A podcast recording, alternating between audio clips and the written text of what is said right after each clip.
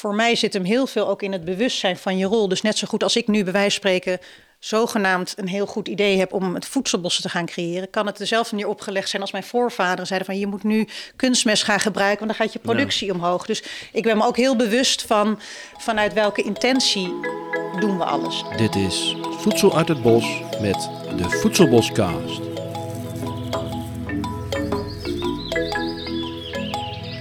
Ja, nou ja, dus ehm, volgens mij kunnen we gewoon beginnen. Oké. Dit is aflevering 5 van de Voedselbos podcast. Jouw tweewekelijkse update over alles wat te maken heeft met professionele voedselbossen en de pioniers die hiermee bezig zijn. Wij zijn Frank Gorter en Marieke Karsen van Voedsel uit het Bos en wij doen dit omdat wij de voedselbosbeweging toegankelijker willen maken voor een groter publiek. Voor ons staan de voedselbospioniers symbool voor de grote voedseltransitie van onderop. We nemen de luisteraar mee in het hoofd van deze voedselbospioniers en we willen alles te weten komen over hun diepere motivaties, wat voedselbossen voor hen betekenen en waarom zij denken dat voedselbossen belangrijk zijn voor onze toekomst. Nou, Ja, dat is er ook weer uit. ja, het is elke keer weer een hele mond vol. En we zitten hier op een fantastische plek. Ja, bij een fantastische dame, dat kunnen we al wel ver- Ja, Klappen? zeker. Ja. Die jij al heel lang kent, denk ik. Nou, nog niet eens zo heel lang. Maar wel eh, vanaf het begin van onze eh, Voedsel uit het Bos training. Ja, ja, ze zat in de eerste jaargang Eerste jaargang. en in de derde of de vierde. Ja, En eh, ja, zij heeft het echt gedaan. zij is gewoon begonnen. Ja. Ze heeft ook gecrowdfund. Daar wil ik ook alles over weten, hoe Mhm. dat gaat. En ze, ze is, denk ik, dat zal voor jou ook interessant zijn, ook heel interessant bezig met het hele gegeven van landgoederen. Nou, daar heb, daar heb je het over iets. Want dat is eigenlijk het eerste waar ik aan moest denken. Eh, Ja. De vergelijking tussen ons is erg groot. Ja. Hè, dus ook eh, waar zij mee bezig is. In het systeem. In het Ja. landgoedsysteem. Met een familie, Ja, onder andere. En een, een bos.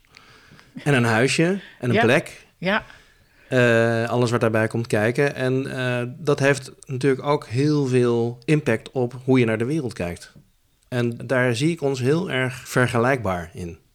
Ja, en wat ik dus heel interessant vind, is het, het realiseren van een innovatief verdienmodel. Voedselbos met. En eh, nou ja, dan gaan we maar gewoon even, gaan Ja. we maar even gewoon naar Sabine zelf toe om de vragen te stellen. Want we hebben het over Sabine Philips Ja, eh, van eh, landgoed Den Aalshorst in Overijssel. niet een, weet je, wel, je bent nog niet een grote ster in heel Nederland, maar dat ga je hierna natuurlijk wel worden. Dat is mijn ambitie. Om, Ja. ja. Ja, ja. Ja, maar je, je doet zulke interessante dingen dat wij jou graag hier eh, voor de microfoon eh, helemaal het hemd van het lijf gaan vragen. Nou, hartstikke leuk. Als wij jou eh, zo voorstellen, hoe, eh, hoe valt dat bij jou? Klopt dat een beetje? Zeker, ja. Eh, En ik, het leuke altijd is als jullie het voorstellen, dan halen jullie de ele- elementen eruit die bij jullie klikken. En zo zou iemand anders misschien net weer wat andere. Ik kan nog wel meer invalshoeken bedenken hè, waar je op, Ja. op zou kunnen vragen. Maar deze dingen die jullie aankaarten eh, kloppen helemaal. Ja, Ja. Nou, een van de eigenschappen denk ik van mensen die een voedselbos beginnen, dit, dat zijn vaak wel duizendpoten. Hè, Ja. die, mensen die meer dingen eh, doen tegelijkertijd. ja. Dat is ook wat ik er leuk aan vind. Als, ik, als je mij eh, in de tuinbouw eh, laat werken en elke keer de slaapplantjes weer herhaalt in de grond doen, dan word ik niet blij van. Dus juist de dynamiek van zo'n voedselbossysteem past Ja. inderdaad bij eh, hè, mensen die juist dat leuk vinden om erin mee te bewegen en eh, Ja. die afwisseling te zoeken. Maar misschien is wel even dat je kort even vertelt. Eh, wij weten dat jij dus in 2017. eh, was dat voor jou de eerste eh, kennismaking met een voedselbos toen je de cursus bij ons deed? Nee, toen, want ik heb daarvoor een periode in een eh, gebied in Devon bij een boerderij meegedraaid. En toen kwam ik in aanraking met Martin Crawford. En eh, daar viel eigenlijk voor het eerst op mijn plek van... oh, wat ik heb gezien, à een visie die ik had... door de een beetje tropen regenwoud ervaringen... kon ik daar in Engeland zien. En toen, want ik had daarvoor nog een beetje het idee van... het beeld hoe voor mij een bos eruit zou moeten zien... dat kan niet in een gematigd klimaat. En Martin Crawford heeft toen het geopend van... oh, dit is een concept, kende ik nog niet. hey, dat zou eens kunnen matchen bij wat ik al gevisualiseerd had. En zo ben ik in Nederland nou ja, gaan zoeken. En eigenlijk was het doordat het ook nog eens die eerste cursus nog vanuit de OPG, dus vanuit die landgoedhoek, dat ik denk, hé, hey, dan kan ik meteen vanuit de invalshoek van, hè, daar komen we straks nog op, vanuit het landgoed waar ik dan aan verbonden ben. Meedraaien. Dus het viel eigenlijk allemaal zo, al die elementen vielen door jullie cursus op zijn plek. Maar ik had er dus via Martin Crawford voor het eerst uh, toen in Engeland van gehoord, van dit concept. Ja, en je werkte op een boerderij, omdat er zit bij jou ook een achtergrond in de landbouw. Ja, en dat is eigenlijk ook naar aanleiding van die periode in Engeland, toen ik me aan het heroriënteren was ontstaan, dat ik voelde van echt gewoon met de aarde werken, op het land werken, dat, daar ben ik toen helemaal uh, ja, eigenlijk door geraakt. En toen heb ik de biodynamische landbouwopleiding hier in uh, Dronten gedaan. Dus dat was eigenlijk de. En toen merkte ik van het in cultuur nemen van de aarde. En te veel, hè, toch in die boerenstand. Dat schuurt met mijn, nou ja, toch mijn landgoed roots en mijn natuur. Uh, en zo kwam eigenlijk die. Ja, komt het voedselbos komt daar een beetje op dat grensvlak voor mij als ideaal. Ja. Ik merk dat jij ook heel bewegelijk bent. Nu ben ik even technisch. ja, klopt. Dus, ja. dus als jij hier aan zit, aan de standaard, dan hoor, dan hoor je dat. Oh ja. De microfoon. Dus dan, uh, ik zal. Uh, ja. Ik ben Proberen. Een beetje, ja, ik ben heel bewegelijk. Ja. klopt. Corrigeer me maar af dus en toe. Even duizend poten gaan we al. Dus jij was in de tropen geweest. Ja. En in de tropen uh, kwam je in aanraking met voedselbossen daar. Ja, of in ieder geval, daar heet dat dan niet zo. Maar daar was een, een een plek waar alles voor mij samenviel. Dus er, uh, tropische uh, fruitbomen, vogels. Het was meer het plaatje van hey, zo, dit is vitaliteit. Zo, dit is een levendige uh, bosrijke omgeving, ja, jungle, waar je ook nog gewoon overvloed hebt aan voedsels en insecten. Dat was voor mij een soort, ja. dit is het dat paradijs. Is jouw, jouw, jouw lightbulb moment. Ja, en toen dacht ik, dan moet ik dus daar naartoe, want dat kan niet in, vooral niet in Dals. nou ja, waar zit ik met, uh, ja, dat is, ja, zo kan het lopen in Dalsen. Nou, wat me opviel op jouw website is, jij gebruikt de term agro-ecologie. Oh ja, ja, ja. En uh, voedselbossen schaar jij eigenlijk onder die term. Dus ja, een term die, ik, uh, die ik zelf ook vaak of, graag gebruik, maar ik hoor hem niet altijd. Nee. Vaak niet eigenlijk. Nee, klopt. En ik heb eigenlijk om het zeg maar voor de, hè, dat is dan echt meer het concept agro-ecologie, maar ik noem het ook bosboerderij, omdat het voor mij voor de uitstraling naar de, hè, de, mensen hier lokaal toe uh, een beetje meer omvat. Dat het niet een. Mensen hebben bij voedselbos toch meer alleen het bos paradijsassociatie. En ik vind juist die combinatie, dat grensvlak van het uh, in cultuur nemen en als mensen helemaal geen rol hebben en vrij de natuur, daar, op dat speelveld op, vind ik dus heel interessant om te bewegen. Van waar maak je keuze om net even wat meer in dat agro-spectrum wat te doen? Of waar laat je het helemaal uh, zijn zoals het is? Ja, ja ik, dat vind ik, uh, vind ik. Ik denk dat dat ook altijd die twee werelden ja. En daar een, ja, voor iedereen zal daar in dat spectrum een andere positie innemen. En ik vind het dus heel leuk om hier iets te laten zien waarin ik zelf daar ook mee speel. dus een klikt wat meer op dat agro-stukje als hij hier komt. En de andere zal meer de ervaring van het ecologische principes die ik hier toepas, zal daarop klikken. Dus dat dus vind ik juist heel leuk om Als ik jou in één woord zou omschrijven, uh, zou jij jezelf een bruggenbouwer noemen? Ja, zeker. Ja, ja. Ja, ik, dat vind ik. En, dan niet alleen in die bruggen, maar het zit hem op eigenlijk in alle aspecten wel. Ook in de geestelijke en het aardse wereld. is niet ja, welke, welke bruggen bouw jij? nou ja, onder andere dus wat ik zei, uh, hè, tussen het agrarische, ecologische, maar ook uh, het spirituele, het geestelijke en het aardse. Ja. Ik vind ook een heel mooi. Uh, ja, dat is natuurlijk ook een enorme beweging in gaande waar ik voel dat ik, dat ik een rol van betekenis in kan uh, hebben. En ook in het economische denken. Ik heb een achtergrond in bedrijfskunde en ik ben in een milieu opgegroeid waarin het economische denken, soort hè, kapitalistische denken voorop stond. En, nou ja, en daarin eigenlijk het filantropische en meer de liefdadigheid waarin vaak natuurprojecten zitten. Ja. Hè, zo vond ik crowdfunding, waar je het ook net over had, dat je het leuk vond om wat over te hebben. Vond ik ook een heel mooi concept om daarin uh, social enterprise hoek om te zien van hé, hey, maar er kan in dat spectrum zijn ook niet twee verschillende werelden. Dus ik merk als ik kijk vanuit mijn, mijzelf, is dat gewoon eigenlijk mijn, mijn zielenpad. Dat ik gewoon. Het mooi, voor mij is dus niet één waarheid en dit en de andere waarheid die tegenover elkaar staan, waar ik zelf misschien in mijn jongere jaren wat meer geworsteld heb, vind ik heel mooi om ja, ja. daarin bruggen te bouwen en die verbindingen te leggen. Dus dat er geen goed en fout en de waarheden tegenover elkaar staan. En... Is dat ook jouw diepere motivatie om die uh, brugbouwer, bruggenbouwer te zijn? Om, want de wereld moet, anders, moet er anders uitzien, volgens jou. Ja, het- ja, dat is wel mijn motivatie. En vooral vanuit mijn, waar ik zelf tegenaan gelopen heb. Omdat ik, nou ja, dit is natuurlijk gewoon wie ik in essentie ben. Ja. En nou, zo op mijn, in mijn levensloop heb je tegen al die muurtjes aangelopen waar je denkt, hé, hey, maar hè, het is zo en het is zo. En ik kom er nergens Noem heel eens voor muurtje. ieder. Ehm, nou ja, en eerst al, ik kom het in het, vooral in het familiespectrum, dus in het Aha, landgoeden bijvoorbeeld ja. al tegen. Nou, die Dus dat, herken ik wel, ja. en dat, ik ben niet voor niets ook in die familie eh, geboren, zeg ik dan altijd. We moesten even wat contrast hebben om te voelen dat daar voor mij een, eh, ja, een weg is. eh, Ja. En dit is allemaal inkruid. Vertel, wat, wat, wat bedoelen jullie? Ja. ja, wat bedoelen Ja. wij? Ja. Ja, je, je loopt ergens. Hè, dus jij zegt, Ja. jouw familie is een, een, een economisch denkende familie. Ja. Ehm, eh, hoe, hoe werkt dat? Want ik loop inmiddels ook al een beetje rond in deze wereld, hoe die landgoederen, BV's Mhm. en families in elkaar zitten. Maar kun je dat in jouw, jouw geval even eh, vertellen? Dit is een groot landgoed, een prachtig huis met een slotgracht eromheen, Mhm. Ja. met een, met een eh, eh, hele mooie ommuurde moestuin daarbij. En hoe zit die familiesituatie en dat eigendom in elkaar? Kan je dat heel kort even uitleggen? Maar ik, dat, de essentie wat ik merk is eh, dat, het, eh, dat het een bezit is. En het bezit moet behouden worden. Dus daar zit al een bepaalde spanning. Wat ik Ja. voel als ik meer op de gevoelslaag zit, zit ik Ja. heel erg in een angst van iets afgenomen. En ik kom altijd in de thema's van macht. Hè, Het feodale element, wat jullie misschien ook wel herkennen. eh, van eh, de macht hebben de grootgrondbezitters en de boer. Eh, en eh, ik ben niet voor niets ook boer eh, geworden. Maar ik ben Ja. ook grootgrondbezitter, want ik ben aandeelhouder van. En Ja. daar liep ik elke keer tegenaan. Want ik kan me heel erg, ik kan me heel erg identificeren met ongeveer nou, ieder mens. En ja, in, in, zodra ik in die familiecontext was, was het toch, kwam je toch een beetje in die energie van de grootgrondbezitters. hè, die Ja. ja. bang werden dat er allerlei dingen werden afgepakt en het niet behouden kon worden. Dat is even heel. Ja, want een paar jaar geleden, ja, want een paar jaar ja. geleden was ik hier. Toen, toen hadden we zo'n zo'n zo'n dagje met de, met de cursus eh, tussen de lessen Ja. door. Ja. En toen zei hij ook iets tegen mij, wat ook altijd bijgebleven is. Zei: Mijn familie doet altijd ontzettend zijn best om alles weer terug te brengen naar iets wat twee eeuwen geleden Hm. modern was. Ja.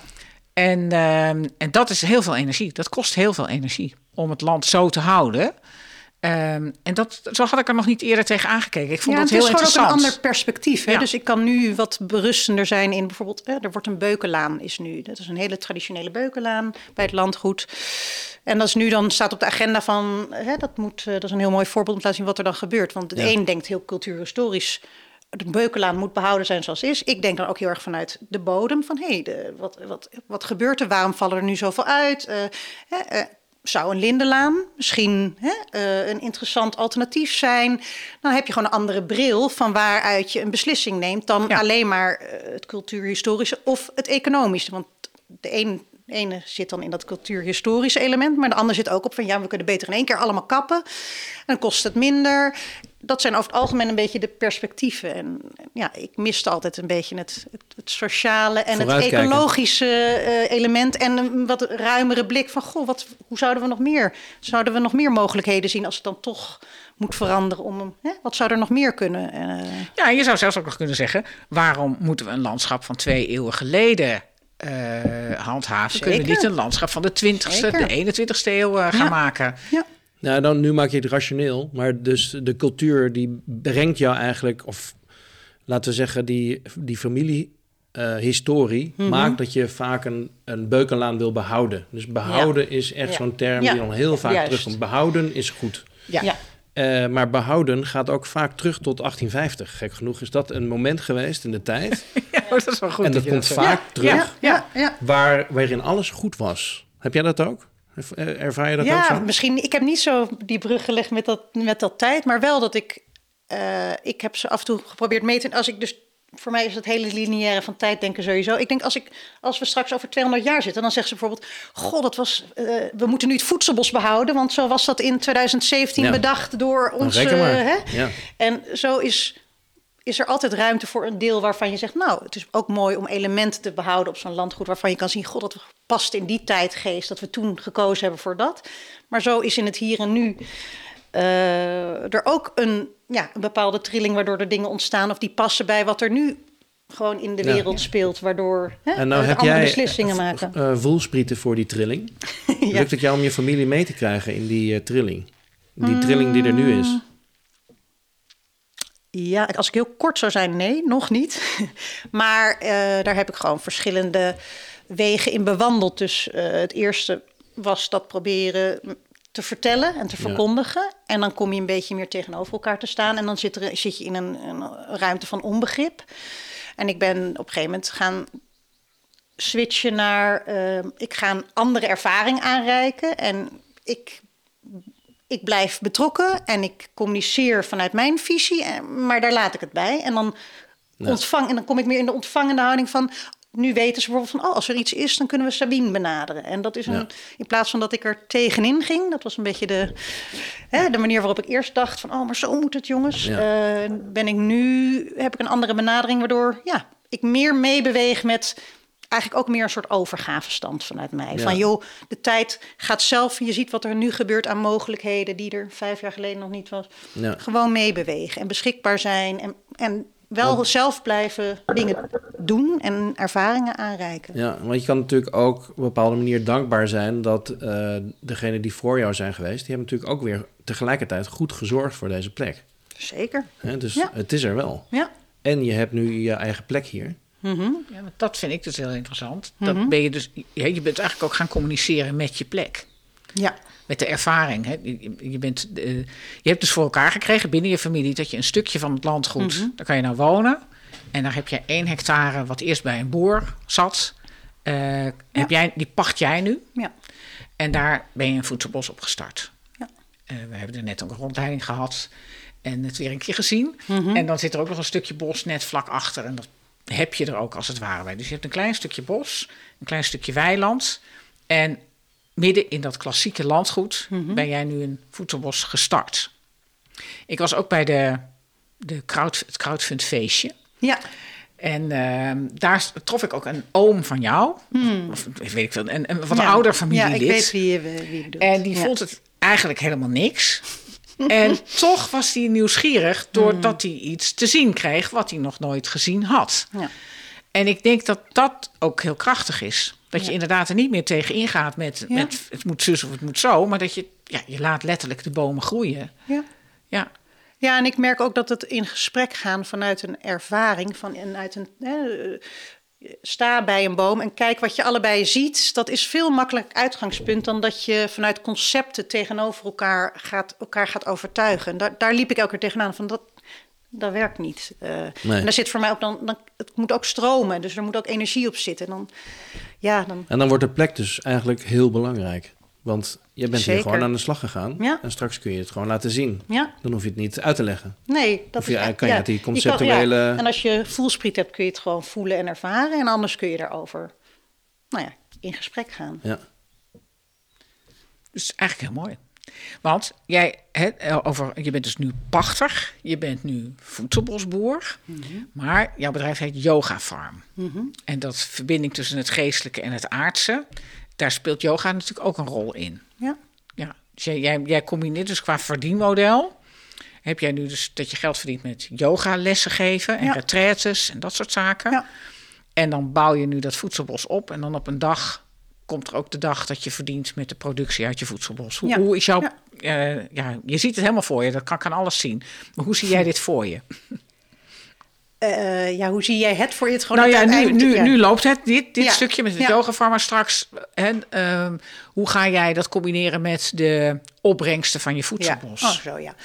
Ja, het leuke is wat je dus, hè, de invalshoek van, oh ja, yoga, daar haal je inkomsten uit. En dat is het geestelijk stukje. Maar het is daarnaast ook voor mij de verbinding met de gemeenschap. Dus ik heb gemerkt dat het heel prettig is als je ook een, een, rol hebt in, in de gemeenschap hier. Dus de mensen, echt de mensen hier uit de buurt komen hier naar de yoga. En die zijn al op de plek. Dus je komt, yoga is ook het, ergens een middel om uh, verbindingen aan te gaan op een nou, hele, hele, prettige, zuivere manier. Dus de mensen zijn er al. Er zijn heel veel mensen vanuit de yoga die hebben meegedaan met de crowdfunding. Uh, het zijn ook de mensen die uh, straks van de afzet gaan genieten van het voedselbus. Dus ik, mijn intentie is ook dat het straks als het in overvloed uh, oogst geeft, dat ik ook met diezelfde gemeenschap dat deel. Dus dat het niet uh, uh, een bulkproductie wordt voor nou, abstracte leveranciers hè, of organisaties, maar voor de lokale mensen die hier komen op zaterdag met eh, hun hele familie eh, de bessen plukken. Dus het verbinding, zo heb ik toen de crowdfunding ook genoemd, voedselbos verbinding, zit hem ook in dat element. Ja, dus ja. yoga is geen doel op zich, het voedselbos is geen doel op zich. Het zijn allemaal het sociale proces dat eraan, ja, ja, dat eraan vastzit, is voor mij essentieel. eh. Zou jij, eh, lukt het jou om jouw persoonlijke missie in een zin eh, te verwoorden? Ehm, ja, dan zou ik. Ja, hè, dus ik heb niet voor niets voor de term verbinding gekozen. En dat zit hem voor mij in. ehm, al die verschillende elementen verbinden. Dus het geestelijke en het aardse. De verbinding van de lokale gemeenschap met het stukje aarde waar we met z'n allen leven. Ehm, ja, zoals het, is niet voor niets ook in mijn ontwerp zijn, staan de bijen centraal. Hè? Dat is ook energetisch het centrum.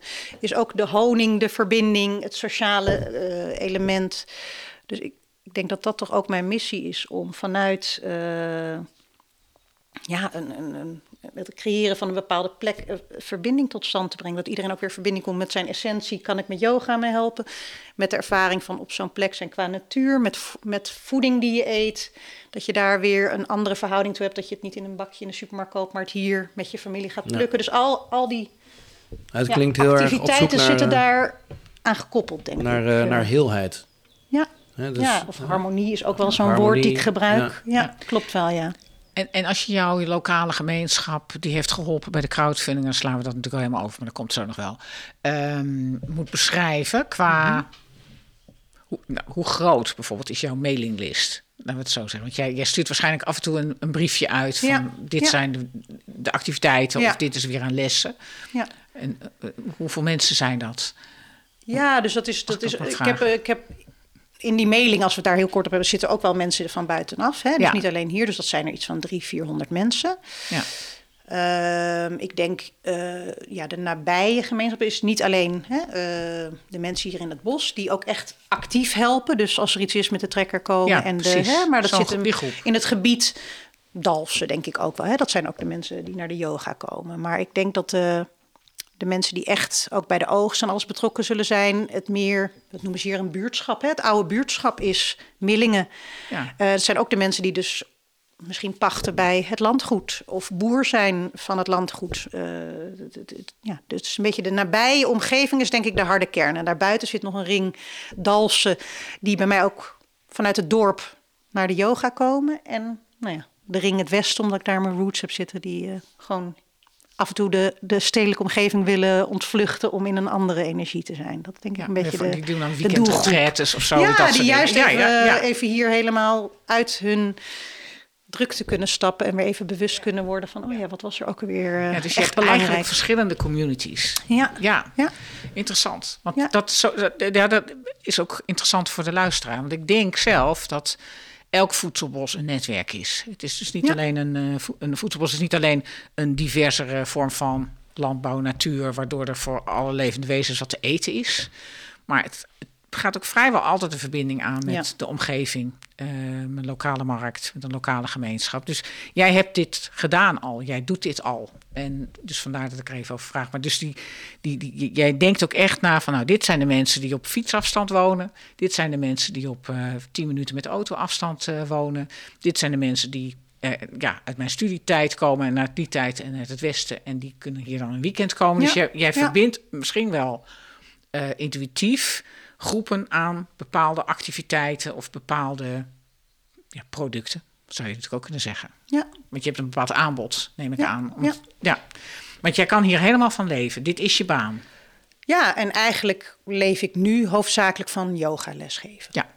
Eh, En dat is, eh, ja, dat is nu voldoende met het perspectief dat ik, hoe meer ik straks mijn, eh, zo heb ik toen ook die crowdfunding opgezet, van het is niet alleen een investering in een boom die oogst geeft, maar vanuit die oogst ga ik weer meer verdienen, waardoor er weer een boom komt. Dus wel met het de, de, Ja, ja. de perspectief dat er nu een hectare of anderhalf hectare aanplant is, maar nou ja, er ligt nog 500 hectare klaar, bij wijze van spreken. Dus ook, 500? is het landgoed zo groot? ja, Ja. Maar goed, eh, hè, laten we het kleiner maken. Dat, maar in ieder geval eh, meer dan één hectare. biedt, Maar eh, de essentie is dat hoe meer erin Ja. komt. Kijk, voor mij is geld ook gewoon, financieel is ook gewoon een energetische uitwisseling. Hoe meer er weer Ja. inkomt vanuit Ja. Kan er weer, kan er weer een nieuwe boom in. En, dan kan dat, en dat is een soort katalysatorwerking. Zo Kan zie ik het in ieder geval eh, eh, Ja. voor Ja, me. dat- dat is ook nog even, je bent erfgenaam van een landgoed, maar dat betekent niet dat je hartstikke rijk bent, toch? Jawel. Dat, jawel. Want dat geld zit er allemaal vast Nee, in dat... la- Ja, precies. Tuurlijk, het is, het is, het is, ik zie het, en dat is natuurlijk, het is, het is een bezit, dus je kan het kwantificeren in, in waarde. Maar de waarde zit hem niet in het geld, maar meer in, ik voel meer dat je een soort, ja, je hebt, als je van jongs af aan bij zo'n landgoed betrokken bent, heb je gewoon meegekregen dat je daar zorg voor draagt voor een volgende generatie. Dus het hele Ja. besef dat het buiten jouw tijdslijntje is, hè, waar de meeste mensen niet verder dan één jaar, vier jaar kijken, krijg je wel van jongs af aan mee. Met, je draagt, ja, het is helemaal geen bezit, want het, je, zorgt er, je draagt er zorg voor. Je geniet ervan en je mag er, hè, bevoelrecht mag je ervan genieten. En, maar ook, je zorgt ook weer dat het er eigenlijk nog weer mooier door kan geven voor de Maar het is niet zo dat het geld is wat je eruit kan halen, Nee, ja, waar je van kan in, leven. in theorie Nee, zou nee. je het kunnen omzetten in een bedrag geld, maar dat, dat, ja, dat is niet. eh, hè? Dat is meer een constructie dat het zo eh, juridisch is neergezet dat het waarde heeft. Maar dat is eh, nou, ja, in de Ja, essentie goed is voor dat de het niet. luisteraar, want sommige mensen denken, oh, ik ben erfgenaam van een groot landgoed. Ja, Nou, ja, ja, ja, ja. dat is dan wel makkelijk om dan te zeggen, ik leef van de yoga. Maar, Ja, op die manier. En, ja, en ik ja, denk dat het nee. wel goed is om dat toe te lichten. Want ja. dat was voor mij ook een eye-opener. Toen ik bij die landgoedwereld te maken kreeg, toen dacht ik wel eens, nou, ik heb geen medelijden met jullie. Nee. Want het is ook een soort pff, energetische klont die je als het ware Ja. de hele tijd met je mee moet Op sjouwen. een bepaalde manier is het Ja. natuurlijk ook gestolde energie. Ja. Het zit vast. Ja. Ja, hoor. En, en, Ja, en, en, het, en het vloeit niet. Nee. Als je, ja, dat is een beetje pech Ja, hebben mooi dat misschien je het ook. zo omschrijft. Ja. Ja. Eh, Tegelijkertijd, hè, dus dat, die gestolde energie, ik heb het ook wel eens omschreven als een soort blok cement wat aan me, aan me hangt. Wat, Ja. wat, wat ervoor zorgde, eigenlijk voor tien jaar misschien wel, dat ik eh, erg moeizaam vooruit kwam en Ja. mijn plek moest eh, vinden. Maar nu ik mijn plek heb, voel ik ook, het heeft ook tegelijkertijd een eh, geworteldheid. Dus ik voel me heel erg thuis. Ja, Hè, dus ja. dat thuiskomen en dat belonging, dat heb ik heel sterk. Ja, ja, mooi. Dat is Ja. het cadeau weer. En dat is dan misschien weer het cadeau. ja. Dus dat ervaar Ja. ik ook wel bij jou. Ja, en, en wat het mooie is, wat jij eigenlijk, doordat jij er mooie woorden aan geeft, wat ik daar ook uit haal, is dat dus die, ook die hele persoonlijke weg die ik daarin te gaan heb, is ook die omzetting van die donkere, cementachtige energie. Hè, om daar dus die beweging wel in te krijgen. En dus wel het naar het licht te transformeren. Om maar even hè, Ja. wat zweviger uit te leggen. Maar dus, dus ik voel sinds ik op dit, hè, na alle omzwervingen van waar ik alle inspiratie in heb opgedaan voor het eerst te voelen van, oh ja, maar hier is, dit is mijn thuis. Dat er elke keer toch dat lijntje kwam met Dalfsen, terwijl ik daar in mijn hoofd een weerstand op had vanuit alle hè, ballast die ik erbij voelde en zwaarte. Ben ik hier ook gewoon neergezet weer. Zo van, ja, dit, dit is wel... Hè? En het echte geaard zijn en het wortelen heb ik mogen ervaren wat de kracht daarvan is. Ja. Eh, en hoeveel ja, support dat ook weer geeft om Ja. die, in, in die misschien wat zware energie juist eh, Ja, Ja, een rol En ik- van betekenis, En de, eh, zeg maar, de eh, beweging die ik toen heb gemaakt, is ik ben dat gaan delen. Eh, dus de ervaring die ik heb met thuis horen, Mhm. ben, ik, eh, ben ik gaan delen met mensen. Ik had heel erg de behoefte om dat te delen. Nu voelen mensen, dus dat is een, een soort, ja, laten we zeggen, een, ehm, dat probeer ik uit te vinden hoe dat nou precies werkt. Want Mhm. ik merk dat heel veel mensen eigenlijk niet heel veel stilstaan bij die vraag of je nou Ja, of je ja. je thuis hoort Ja. of niet. Maar volgens mij is het een ongelofelijke belangrijke vraag. Zeker. En ik denk dat, het, eh, dat heel veel initiatiefnemers van voedselbossen ook daarmee zijn begonnen. Met eh, het, ja, je maakt een eigen plek waar je thuis voelt, waar je kan wortelen. Ja, en ik denk dus, ehm, mijn eigen ervaring is, hè, als je dus in zo'n cursus zit, dan zit je nog een beetje in de conceptuele hè, wereld en dan ben je het aan het leren. Maar het leeft pas op het moment dat je ook echt eh, ja, je ergens vestigt Ja. eh, en het in, in de plek, in samenwerking, hè, met dat je daar je wortels hebt, met de plek het gaat ontwikkelen. Want dan, Ja. dat maakt het ook zo interessant dat iedere plek met iedere persoon die ervoor kiest om hoedster te zijn van die plek, weer een uniek Ja. vorm van voedselbos gaat creëren. Precies. Eh, En wat je dus deelt met een, met een groep mensen. ja, ja. Ja. Ja, interessant. interessant. En, en hoe, hoe kreeg jij het dan voor elkaar in jouw familie om uiteindelijk je hier te mogen vestigen in dit stukje? Eh, nou, dat was eigenlijk eh, meer eh, dat ik in het huis van mijn opa en oma, die aan de andere kant van het bos, daar, daar had ik eigenlijk mijn goede herinneringen waar ik naartoe terugkwam toen ik zelf een beetje zoekende was. En doordat ik hier woonde, dat is dus aan de andere kant van dit bos, was ik continu op deze plek, wist ik dat dit deze plek vrij kwam van contact die ik had met de eigenaar. En zo Ja. Was eigenlijk bijna vanuit de familie gezegd: is dat niet wat voor Sabine? Dus het, Ja. het was gewoon eigenlijk. En toen zat ik zelf nog in de weerstand van: nee, ik ga niet in Dalfsen wonen, te dicht bij mijn familie. Ik stond nog in die stand. Dus ik dacht, maar het, het, lag, het was gewoon helemaal de bedoeling. Het was Ja. gewoon, het lag, het lag maar te wachten van: nee, toch nog geen ander, toch is niet wat voor Sabine. Tot er bij mij een soort knopje omging dat ik ineens de associatie met het beeld dat ik had hè, toen in het tropisch regenwoud van had ik gevisualiseerd hoe het eruit zien. Ineens zag dat het hier was. dus eh, toen pas kon ik, kwam ik vanuit een andere lading en invalshoek in, op, ja, op deze plek terecht. Ja.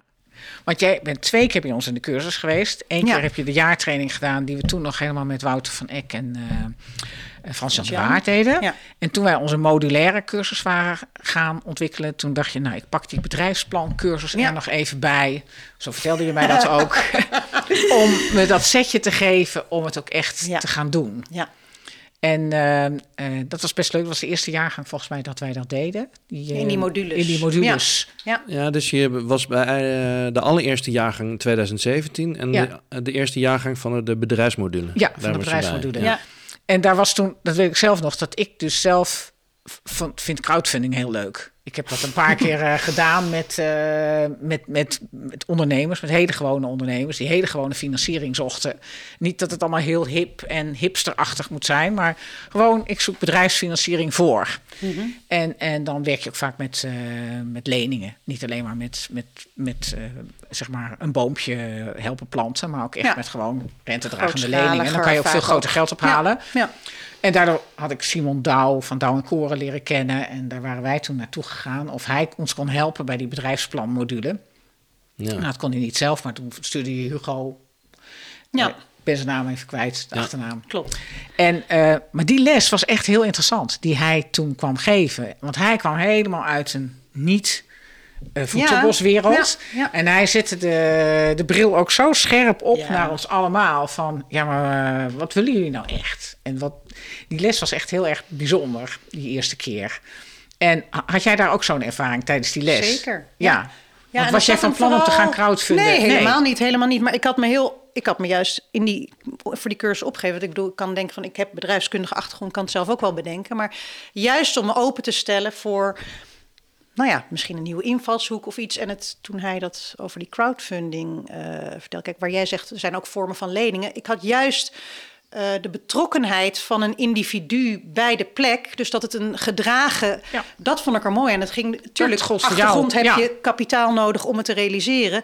Maar energetisch wist ik al lang, het, eh, dat, het, het, gewoon een, een tasje geld ergens lenen en dat dan doen, dat, nee, dat is hem niet. En toen hij al die vormen heel goed met voorbeelden en ervaringen kon delen, viel het voor mij op zijn plek van, hé, hey, dit is...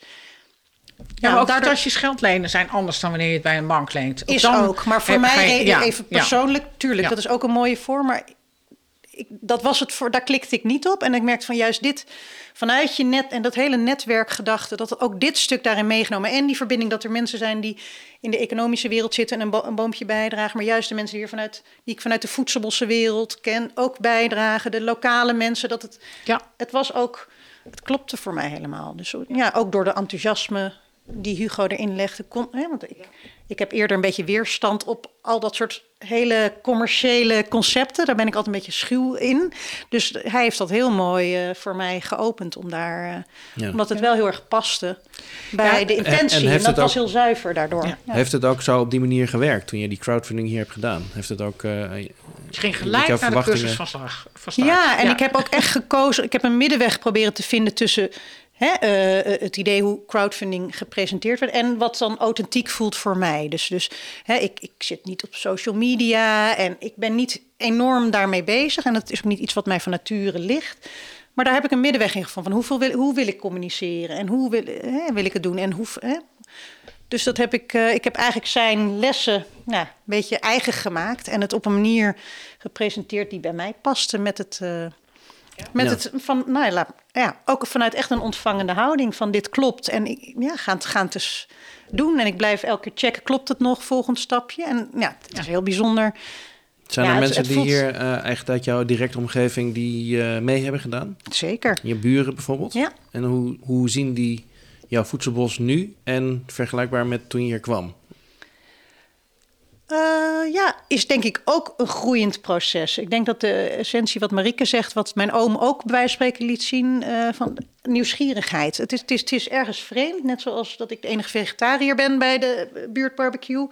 Is het gewoon, het is ook ergens een nieuwsgierigheid en uh, leuk. En eigenlijk zijn ze onwijs betrokken en geïnteresseerd. Want het is wel even net iets anders dan wat ze kennen. Maar ja, het resoneert wel bij wat ik doe, want ze zijn allemaal ook verbonden met dit stukje aarde en de omgeving. Dus ja, ze zien dat ik dingen doe die ook bijdraagt aan, aan, aan gebied die hun ook naar het hart gaat. Dus dat vind ik juist uh, heel leuk om te zien. Terwijl het misschien heel een vreemd idee is als je van oorsprong melkveehouder bent en Engels rijgras gewend bent. Uh, ja. Het is nog niet zo dat zij zelf nu ook meer richting agroecologie of voedselbos uh, gaan. Uh, nou, niet zo heel direct, maar ik, ik heb bijvoorbeeld bij uh, een plek hiernaast heb ik nu een, een stuk aangelegd. Uh, dus ze vinden dan een bloemenstrook. Het zit er meer in. Ja. Oh, kun je eens helpen naar kijken naar mijn boomgaard, hoe ik dat anders kan doen. En het zit hem in. De, ik in die klem. Maar dat is ook mijn in, misschien mijn insteek hoor. Van gewoon kleine proberen stapjes. kleine stapjes. En, uh, ja. en uiteindelijk, als iedereen zo zijn stapjes doet, dan wordt het in het geheel hier een, uh, iedereen zijn eigen tempo ja. uh, steeds een rijkere plek van mijn gevoel. Zeker. Ja. ja, want jouw voedselbos is nu, gaat zijn derde jaar in. Nu.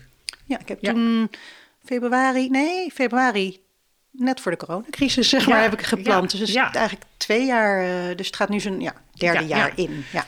Dat is toch heel vaak ook het jaar van de grote plagen en de... het wordt toch leuk. Maar heb je daar last van? Van, van uh, dat het ecosysteem zich echt nog moet vormen, dat je allerlei gekke dingen tegenkomt? Of valt dat hier wel mee? Omdat je, je zit midden in het bos. Misschien is dat ook interessant om te weten. Het is een... Ja, en het weer helpt mee. Um, en um, het, het, voedselbos is twee jaar, maar dat, ik heb eigenlijk de voorbereidingen, dus niet alleen uh, tastbaar in dat ik al houtwallen had geplant vijf jaar eerder, een vijver al eerder. Dus ik, heb, ik werk al zeven jaar met de, de wezens op de plek, zeg ik het dan maar eventjes. Dus ik, het komen wonen, het hier mijn wortels echt in de aarde zetten. Ik voel dat die cirkel van... Uh, dat dat nu eerder in een soort zevenjaars uh, cyclus zit van deze plek. En dat de bomen, Hè, de aanplat, dat is natuurlijk pas twee jaar geleden. Maar dat die ook wel gedragen wordt door alle eerdere dingen die er uh, gebeurd En je hebt hier natuurlijk al, al, roofvogels. En, en dus dat, dat ja. wat er in zo'n akkerbouwgebied ja. gebeurt, dat het echt die balans via plagen moet ja. gaan ontstaan. Ja. Dat zie ik hier niet, namelijk. Dat, nee. Daarom vraag ik het ook. Nee, en ik heb eigenlijk ook heel bewust, misschien of intuïtief, alles ook gedaan in aansluiting op wat er al is. Dus ik heb niet een, uh, een concept op het stukje grond geplakt van zo moet het worden. Dus hé, hey, er is daar een bosrand. Oh, er is al een schaduwplek, dan kan ik daar de beste doen. Hey, oh, dat is een stukje, dat is al wat zuurdere grond, dan doe ik daar wat meer. Dus ik ben ook wat meer vanuit dat uitgangspunt met de plek. Dus niet ik wil de honingbes of ik noem maar wat. En dus het moet daar komen, maar veel meer in die geprobeerd ook daarbij aan te sluiten. Waarbij ik ook dingen ja, niet helemaal goed heb ingeschat. En uh, de tropische zone met ja. een klapvorst in één keer toch niet zo tropisch meer was. En zo heb ik ook zo mijn... Ja. De reeën bleken de boompjes het eerste jaar heel lekker te vinden. Nou had ik ook een uitdaging. En een droge eerste zomer is ook niet heel prettig voor jonge aanplanters. Zo heb ik natuurlijk mijn al ja. mijn, maar dat vind ik ook leuk. Ja, dat is voor mij de dynamiek daarvan. Ja. Uh, maakt het dat je leert en, en ja. gaat kijken en je observeert en je groeit erin. Uh. Want is dit hele zure zandgrond of matig zure zandgrond? Nou ja, eigenlijk wel redelijk zuur. Het is eigenlijk uh, de vecht lag voorheen wat meer. De, de rivier die hier is. Wat, dus het is eigenlijk heel veel. Ja, hier noemen ze wel eens klapzand, maar het, is, ja, het was niet hele rijke zandgrond. Uh. Maar niet, maar niet bijzonder vochtig. Het is, of, of is het heel droog? Nee, het juist? grondwaterpeil is wel weer interessant. En het is alleen, uh, het, over het algemeen was het altijd vrij droog. Maar de, ik, ja, ik heb eigenlijk in de beginjaren veel gedaan aan die capillaire werking. Dus ik merk dat het toch eigenlijk uh, vrij snel bij het grondwater kunnen komen. Dus het is natuurlijk wel voor een boom in zo'n weiland even eerste jaren behelpen. Maar ik, ja, ik denk toch door, dat er al vrij, als ik nu kijk naar de structuur, dat er toch vrij veel mogelijk. Nou, nu echt met de afgelopen zomer. Dus één droge zomer, nu natte winter en zomer, denk ik echt. Maar goed, dat is natuurlijk nog maar uh, bezien.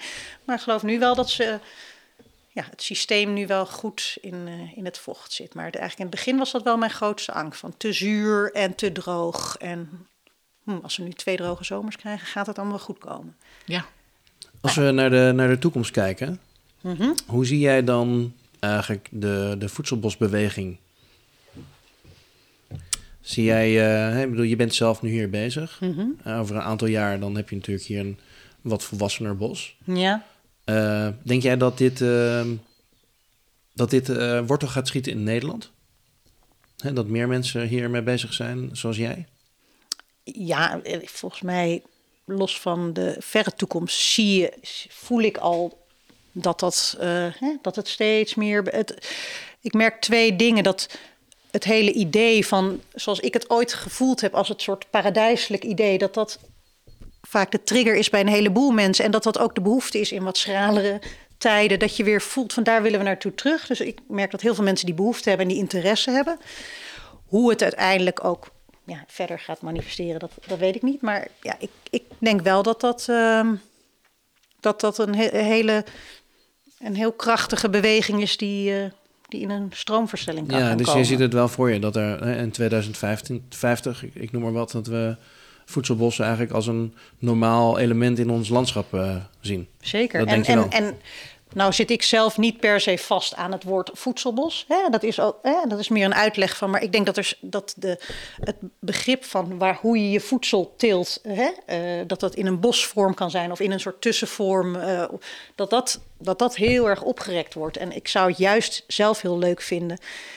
als iedereen daar in zijn unieke plek en zijn unieke zijn... zijn eigen eh, hè? Ja, vorm in vindt. En dat onder de noemer voedselbos. Maar ja, misschien komen er andere naampjes, smaakjes, concepten uit voort. Hè? Maar, eh, ja. ja, maar wat wel essentieel is, denk ik, ehm, niet eenjarige teelten. zeker. Hè, dat je, Ja. dat je, willen we dus een klimaatrobuuster landbouwsysteem hebben, daar ben ik in ieder geval wel van overtuigd, moeten we dingen verzinnen eh, waar we van eten, die hun wortels in de grond houden en plantaardig zijn. Dat, dat eigenlijk de twee elementen zijn.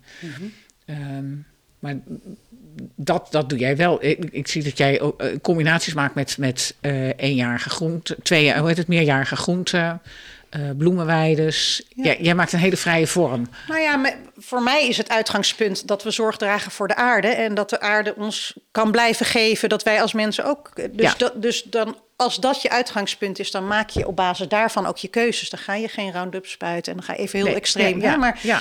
Dus als je die verbinding voelt vanuit het stukje aarde waar jij eh, nou ja, gezegend bent te mogen wonen. of in ieder geval je producten komt halen. Ja. Hè, dan, dan, dan zorg je daar goed voor. En dan denk als ik nu zeg maar eh, een spade in de grond zet, dan is, voelt het alweer anders dan dat je daar heel. Hè, eh, ja, je bent toch in die aarde bezig. ja dus je- jouw aarde is al hier veranderd. ja, Je hebt, Ja. je hebt al aardig wat bereikt in die korte tijd dat je hier zit.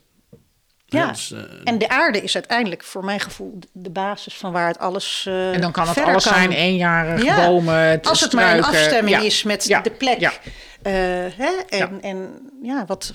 Dus veel meer vanuit het uitgangspunt van wat is er. En, hè? En, en heb je ook het gevoel dat jij met jouw soort voetbalbos een rol kan spelen in die ja, toch wel wat, wat, wat moeizaam opererende landgoedwereld? Of zeg ik dat te hard? er zijn heel Nee veel hoor, land, heel veel, heel zeggen en heel veel land weer- Mhm. is van landgoederen, zit in families. En, en dat is niet, hè, zoals op Welnaar, dat is een, eh, een echte bos, boslandgoed. Maar Mhm. het grootste deel van die landgoederen zijn combinaties van bos met pachtende boeren. Ja. En ehm, ik heb wel van andere landgoedeigenaren gehoord dat die daar een beetje mee worstelen. Dan wil zo'n landgoedeigenaar wel vooruit en dan willen die boeren weer niet. Of andersom, dan willen die boeren wel, maar dan zit die hele familie eh ingewikkeld. Dus het, juist omdat er zoveel mensen in zo'n landgoed een stem hebben. ja. ja, je hebt Eh, natuurlijk die oude structuren van de eigenaar versus de pachter. Ja, ja. En dan heb je de, hè, de gemeente. En eh, het is een heel bolwerk van mensen die Ja. allemaal ergens iets van moeten vinden. Nederland is druk bezet. Elke Ja, en, een heel is groot stuk is landgoed. Dat weten heel veel mensen. 200.000 eh, hectare, Ja, eh, geloof zoiets. ik. Ja. ja, Nee, wel meer. wel meer. Nee, er Ja. was een keer een artikel in de Volkskrant erover... dat het echt een heel groot deel van het land is landgoed. En niemand heeft het ooit over die groep. Eh, het wordt eigenlijk een beetje vergeten. We hebben het altijd maar over boeren... En aan de andere kant over staatsbosbeheer en natuurmonumenten. Zeg maar. Om het even, even heel hard Ja. zo te zeggen. Ja, maar die hebben het nooit over voedselproductie.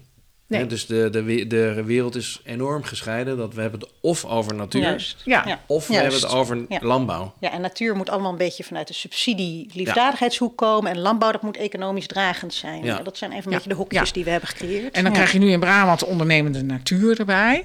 Maar ik ben zo heel erg benieuwd naar hoe die landgoederenwereld als zodanig zijn positie erin gaat in- innemen. Omdat Ja. die de lange termijn erin hebben zitten. Het is hè, voor de volgende generatie. Ja. Ze hebben allebei vaak. En eh, ze zijn redelijk vrij om te beslissen wat ze met hun land kunnen doen. ja, maar hebben wel, zijn wel behept natuurlijk met die geschiedenis. Nou ja, maar Ja. daarom. Ja. Zie jij daar voor, voor jou een rol in? Zeker, ja. Ja. Eh, en vooral denk ik in die, in die transitie. Dus eh, hè, eh, voor mij zit hem heel veel ook in het bewustzijn van je rol. Dus net zo goed als ik nu bij wijze van spreken zogenaamd een heel goed idee heb om het voedselbossen te gaan creëren, kan het dezelfde manier opgelegd zijn als mijn voorvaderen zeiden van je moet nu kunstmest gaan gebruiken, want dan gaat je productie omhoog. Dus ik ben me ook heel bewust van vanuit welke intentie doen we alles. Dus, dus ook als landgoed denk ik dat je daar naar kan kijken van... goh, dan gaan we nu de boeren vertellen dat ze een voedselbossysteem moeten hebben. En terwijl, eh, voor tien jaar geleden zijn we aan eh, dat we het zo... Dus het, ik voel veel meer een rol waarin je die, die machtsposities eigenlijk... dus heel, nou ja, hè, gewoon heel bewust van gaat worden... en daar dur- naar durft te kijken en vanuit die verbinding met de hele gemeenschap... en iedereen zijn rol erin, waaronder de landgoedeigenaar hè, met ieder zijn eigen construct.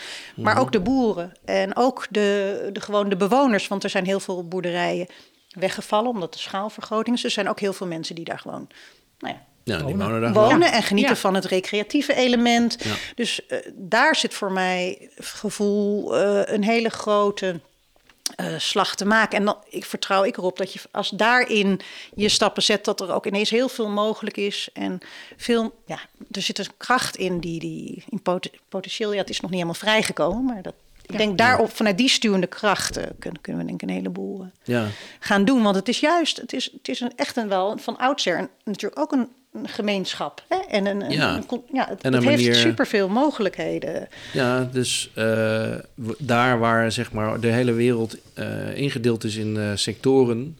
hebben landgoederen nog steeds een integrale manier van kijken naar hun landschap. Ja. En het, en het generatie-element vind ik ook mooi. Dus je, je hebt minder snel de neiging om alleen binnen je eigen Ja, dat is- leven. Ja, dat hoort er ook binnen. En die komt ook Dat even is mijn hondje. Dat vind ik ook nog wel een mooi element erin. Dat je automatisch geneigd bent om niet alleen binnen je eigen leven of je eigen eh, tijdsperk te kijken. Ja, dat hebben jullie heel sterk in je. Dat vind ik heel bijzonder altijd aan eh, al die me- landgoedmensen. Ja, dat, dat Veel, krijg ik je kom toch veel uit mee. een gewoon gezinnetje met pa, ma, twee dochters, zeg maar. En eh, nou, dan heb je opa en oma waar je voor moet zorgen. Maar verder kijk je niet, niet terug.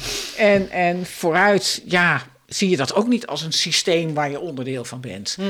Maar dat, dat heeft zijn voordelen ook hoor. Maar, maar ik vind het ook wel een heel mooi element. Want ik zie het niet alleen bij jullie. Ik zie het ook bij, bij de andere mensen die eh, Ja. bij landgoederen vandaan komen in de, de cursussen. Ja, maar dat is dus het mooie. Dat Ja. je dus, hè, wij hebben het in het begin even gehad over alle zwaarte en valkuilen en Ja. moeizame dingen. Maar ik zie, je, als je dus inspeelt op de kracht en de potentie, dan kun je als landgoeder een enorm Ja. mooie rol eh, spelen in, in dit eh, traject. Maar Ja. dan ja, mogen we af en toe ook nog wat meer in de spiegel gaan kijken. En dus kijken waar we allemaal nog onze hè, blinde vlekken hebben. Ik zit En even te kijken naar de tijd. We zijn alweer 48 minuten zijn wij eh, aan, lekker aan de kletsen. We hadden Ja. nog een, een vraag van Wouter ook aan jou. Ja.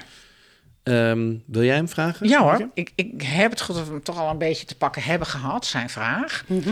Maar hij vond die eh, combinatie met yoga heel eh, interessant. Oké. En eh, vroeg zich af of die mensen die voor de yoga kwamen, Mhm. of die ook überhaupt een, een, een gevoel hadden met dat voedselbos. Of een blik, ja, een blik Ja. wierpen eigenlijk zelfs op het voedselbos.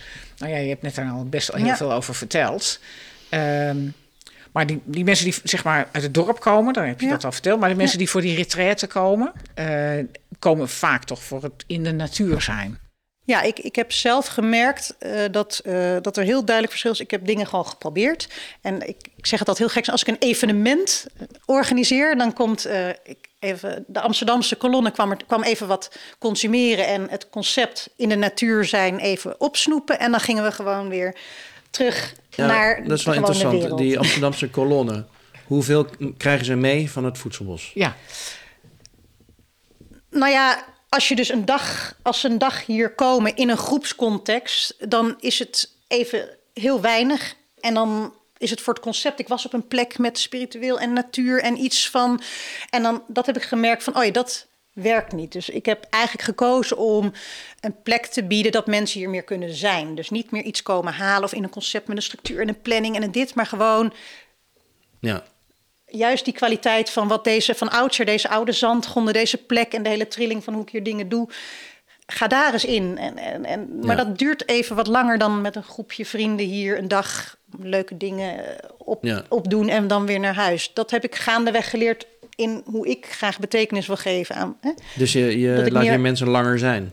Ja. Ja, En je komt echt in retraite. Dus je komt niet in een vakantiehuisje in Dalfsen. Maar je komt om hier te zijn. Dat, Ja. Dus je intentie is echt...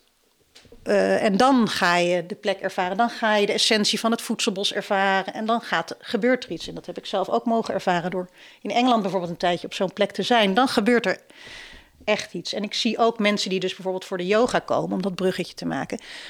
Daar kun je ook in Amsterdam was dat ook wat vluchtiger. Hè? Dan ga je erin en uit. Dit, er zijn mensen die echt zich in een hele heel seizoen toeleggen op de yoga. Die hier ook eigenlijk jaar in jaar uitkomen. Dan zie je dus als je langer met elkaar en in die plek ook meegaat en alle transities hier gaan, dan, dan gebeurt er dus, gaat automatisch. Nou ja, hè? misschien voelen zij dat misschien zelf niet zo letterlijk, maar ik zie dat.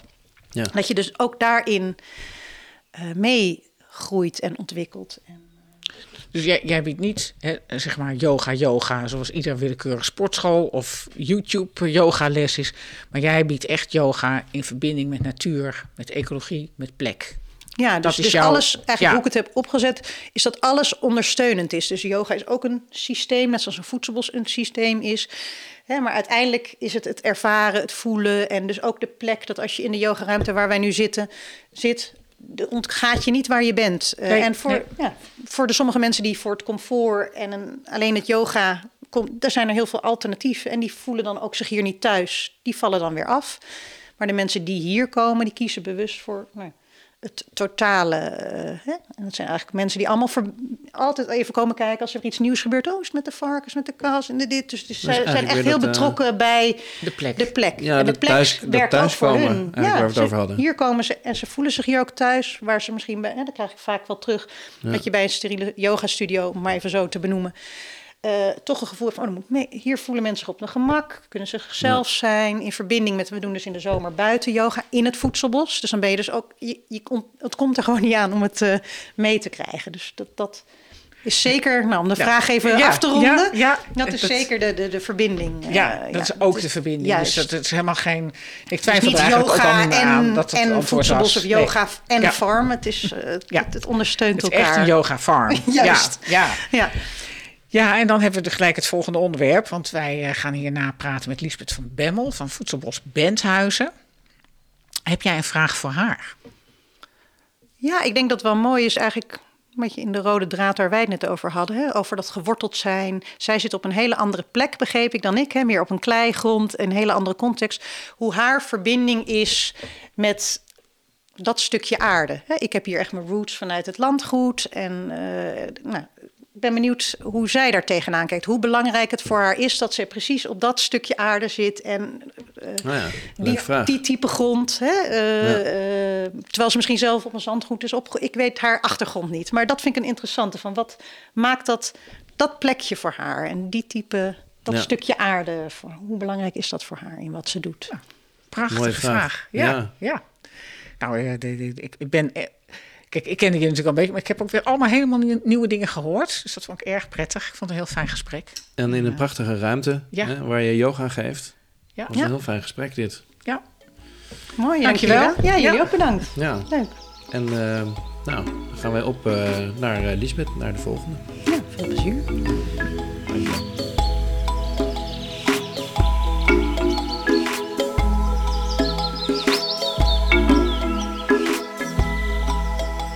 De Voedselboscast is een concept van Marieke Karsen en Frank Gorter.